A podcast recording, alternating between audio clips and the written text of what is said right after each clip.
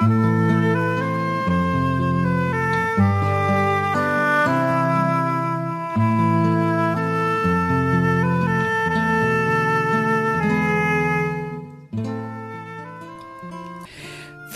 gaan ons luister na 'n verhaal wat ek dink baie spesiaal is. Dis 'n verhaal wat geskryf is deur Karel Skooman en hy noem dit Die park na die val van die blare.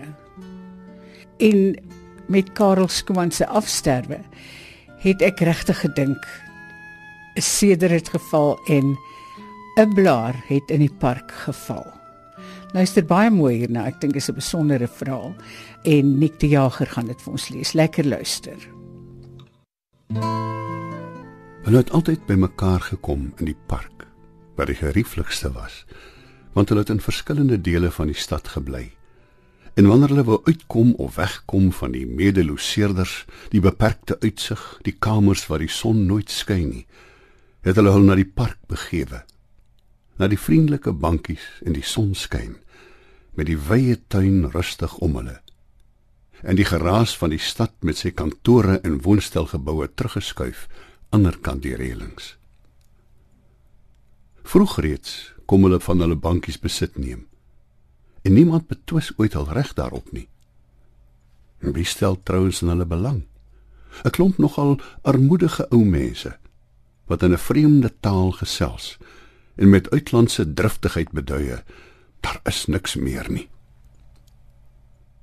Ou mense vir wie die lewe verbygegaan het sodat geen hoop of verwagting meer oorbly nie saamgewaai uit hoeveel lande opdrifsel van hoeveel oorloë pogroms en agtervolginge totdat hulle uiteindelik beland het onder hierdie vreemde son toevallig saam op bankies in die park Hulle is oud. Die lewe is verby en daar is geen tyd om wortel te skiet in vreemde aarde nie. Buitestanders sal hulle bly en hulle het ook geen begeerte om in hierdie laaste jare iets meer te word nie. Want mens bereik 'n punt wanneer dit moontlik is om jou terug te trek van die barheid van die hede en geen verdere stut of steun te vra nie as dit verby is. Dit wat volmaak staan en afgerond, onaantastbaar vir altyd. Toevallig byna het hulle bymekaar gekom en begin vergader in die park. Hoeveel ander mense was daar wat nog hulle taal kon praat? Hoeveel kon die ou verlore wêreld onthou wat eens aan hulle behoort het of het selfs belang gestel daarin? Niemand nie. Net hulle. En dus het hulle steeds meer krampagtig vasgehou aan mekaar. Die mense wat nog kan verstaan en begryp en wat daagliks die versekering het dat hulle nie alleen is nie. Van almal wat daar op die bankies byeenkom, is meneer Traisman die mees teruggetrokke. Gewoonlik bly hy 'n toeskouer aan die rand van die groep, tevrede om net te luister met 'n halwe glimlag terwyl sy oë van die een spreker na die ander beweeg. Ou meneer Marcus met sy serp en breë randhoed. Meneer Zaidel met sy verslete Hebreëse koerante. Meneer Judekin dubbel gebo oor sy wandelstokkie. Mevrou Abel met die jubelende lag en juffrou Goret met die wolmusie. Hulle en al die ander lede van die groepie. Mense sê dat hulle hom oorstem en oorweldig met hulle vertoë en argumente. Tog sy stilswye is heeltemal vrywillig. Vir hom beteken hierdie byeenkomste en gesprekke miskien ook die meeste die vertroude taal en mense wat 'n ou en verlore wêreld aan die lewe kon hou oor jare en myle heen. Die herfs kom altyd as regiment die ligte karteling aan die rand van 'n blaar. Die koelheid in die lug en die vergang van die blomme. Die dae word korter en killer en die ure van hulle samesyn verminder. Hulle wag tot later voor hulle hulle uitbegewe. En vroeër reeds vryf die een of die ander die hande in mekaar. Ja, die weer word koud. Soos die blare oor die wye paadjies en sonnige gras, kom daardie woorde langsam en rustig oor die geselligheid van hul gesprek. Die winter kom, die winter kom. En die kring word opgebreek, die blare val en die bome staan troosteloos. Slegs af en toe, toevallig byna, loop jy in hierdie maande die een of ander lid van die kring nog raak. Vertraisman is dit 'n eensame tyd. Die wintermaande met hul naakte bome en die kilblou skadukloof van die stadstrate waar die son nooit kom nie. Net aan die einde van daardie strate sien jy nog verre sonnigheid soos 'n belofte waaraan jy kan vashou. Die lente sal kom. Groen waas oor die bome en die jubeling van narsings in die formele blombeddings. En op 'n dag sal meneer Marcus weer met eens op die rand van sy bankie sy hande sit en vryf in die sonskyn met sy serp om sy nek. Mooi weer. Ja, werklik. Die een na die ander tree hulle te voorskyn uit verspreide woonstelletjies en kamers om die dae om te gesels in die son. Treisman kom weer sit en luister. Dit is tog al wat saak maak. Vertroude stemme in 'n bekende taal oor 'n geliefde wêreld. Wit dorpies en ganse in die pad, feesmaaltye en begrafnisse, ou verhale en gesegdes wat hulle as kinders gehoor het. Hand in hand staan hulle in 'n kring, gestut en gesteun deur hulle gemeenskaplike verlede. Die enigste werklikheid wat daar vir hulle behoue gebly het. Op 'n dag het meneer Marcus egter skielik en sonder waarskuwing uit die groep ontbreek. Toe hy die tweede dag nog nie opdaag nie, het meneer Zaidel onderneem om op pad huis toe by sy kamer aan te gaan. En hy het hulle ook die volgende oggend kom meedeel dat Marcus dood is. Weggevoer na die dodehuis in Kerkhof voordat hulle selfs bewus was van die feit. Treisman het 'n kilheid gevoel teen sy hart soos die kilheid wat in die somer reeds dui op die herfs en die winter wat gaan kom.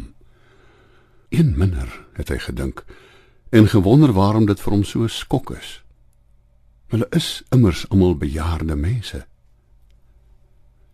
Van die mans het een aand saamgekom om die Kaddish gebed op te sê ter gedagtenis van die oorledene.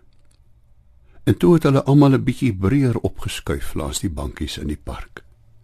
Doch daar het 'n blaar verkleur lig gekartel met goud langs die rand en die kanteling van die aarde vanaf die son kan nie gekeer word nie die volgende lente toe hulle weer byeenkom om die fontein is dit mevrou Abel wat ontbreek en juffrou Goret kom met driftige gebare vertel hoe sy 3 weke lank in die bed gelê het en soos 'n kind geroep het om haar moeder voor haar dood Die winter is maar 'n moeilike tyd as jy begin oud word, besluit hulle. Soos 'n vyand wag dit, dink Treisman, soos 'n vaal wolf op die sneeuvelde van sy jeug wat skuil in die skadu van die dennebome om te spring. Die lente hou vir hom nie meer dieselfde blymoedige vooruitsig van hereniging in nie. Blare en bloeisels, warmer sonskyn en singende voëls is van verbygaande aard. En die aarde kantel in sy draaiing in 'n dieper skaduwee in 'n kouer en donkerder gety waaruit daar geen terugkeer is nie. Elke lente moet jy versigtiger die groepie aftel wat in die park vergader en telkens weer ontbreek hierdie gesig of daardie meneer Judaiken is in 'n ouer huis opgeneem vertel iemand hy is ook al by die 90 meneer Wynick lê lank in die hospitaal Seidel gaan hom gereeld besoek met lemoene en 'n kardusie voordat hy sterwe. Van blaar na blaar, langsaam en in groot stilte en suiwerheid, verkleur die bome en die wind waai skerper langs die paadjies. Juffrou Goret is krom geboue van ouderdom en dramatiek. Ja, 'n mens word oud, knik hulle saam in die sonskyn. Hoeveel jaar gelede reeds dat Marcus dood is? Nie slegs die terugkeer van die lente hou vrees in nie, maar elke nuwe oggend. Wie sal daar ontbreek in die park? Eendag bly Treisman lank sit op die bankie voordat Seidel aangeskuif kom deur die drywende sproeiwater van die fontein. Nou is daar net hulle twee. Hulle praat weinig met mekaar, want dit is genoeg om net die versekering van mekaar se aanwesigheid te hê. En hulle is trouens ook so oud dat woorde al minder nodig geword het. Seidel vou die verfomfaaide blaaie van sy Hebreëse koerant oor en weer. En Treisman kyk na die son, die gras, moeders met kinderwaandjies. Een oggend bly hy lank daar wag. Maar daar kom niemand nie. En die aand stap hy alleen huis toe. Miskien is Seidel ongestel, dink hy, en bly wag met groot geduld die volgende dag en dae, die volgende weke. Maar geleidelik vergeet hy om te wag en bly maar net daar sit, alleen in die sonskyn. Eers baie lank daarna gaan hy na die sinagoge om die gebed vir die oorledenes op te sê. Vir Seidel wat seker dood is, vir Markus, vir almal besef hy skielik wat hy ooit geken het. Vir ouers, familielede en skoolmakkers, vriende en kennisse, want van hulle almal het net hy oorgebly. Hy's alleen agtergelaat in die suiwer en helder lig van die winter hoë hemel en naakte takke uitgestrek teen die lug. Alleen op die bankie in die park, 'n ou man wat dommel in die son skyn. Alleen raak hy selfs aan die slaap en alleen word hy wakker. Eers is dit moeilik om te wen aan die algehele stilte waarin hy nou leef. Niemand met wie hy die moedertaal kan praat of van wie se lippe hy dit kan hoor nie. Niemand wat meer onthou nie behalwe hy. Geleidelik is dit egter of die vereensaming kristalliseer in glansende pragt om hierdie besef heen met skitterende yskeels en ryp patrone. Net hy onthou en net in hom leef die geliefde ou wêreld nog. Wanneer hy doodgaan, sal dit alles finaal verby wees en verlore sonder bestaanplek meer op aarde. Die wete gee aan die dae 'n nuwe sin. Hy's baie oud en nogal armoedig. Hy tel stukkies tou op op straat en versamel ou koerante uit snippermandjies. Hy mompel by homself in 'n vreemde taal en praat met niemand nie. In die park of die kille gange van die Lucieshuis waar hy woon, kyk mense na hom aan in die verbygaan. Maar hy merk dit nie. Bewus van sy eie waardigheid en verantwoordelikheid, gaan hy deur die dae. Hy dra iets waardevols. Hy alleen in sy gang deur die donker.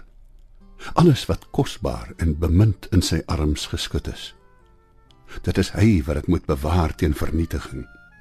Hy praat met niemand nie en slaan ag op geen een.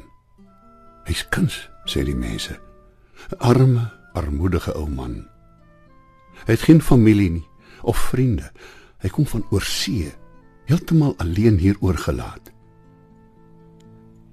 Wanneer hy doodgaan, word hy ook deur die munisipaliteit begrawe. En daar is niemand om hom in die Kaddish gebed te herdenk nie.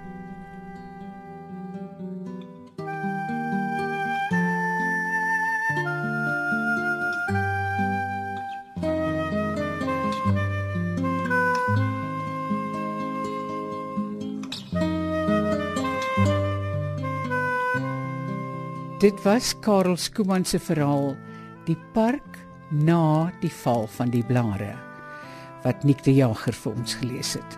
Ek het dit gekry in die Afrikaanse kortverhale boek wat Abraham Hade Vries saamgestel het. Van my Margaret alles van die aller aller allerbeste. Tot volgende keer. Mag dit met ons almal goed gaan. Totsiens.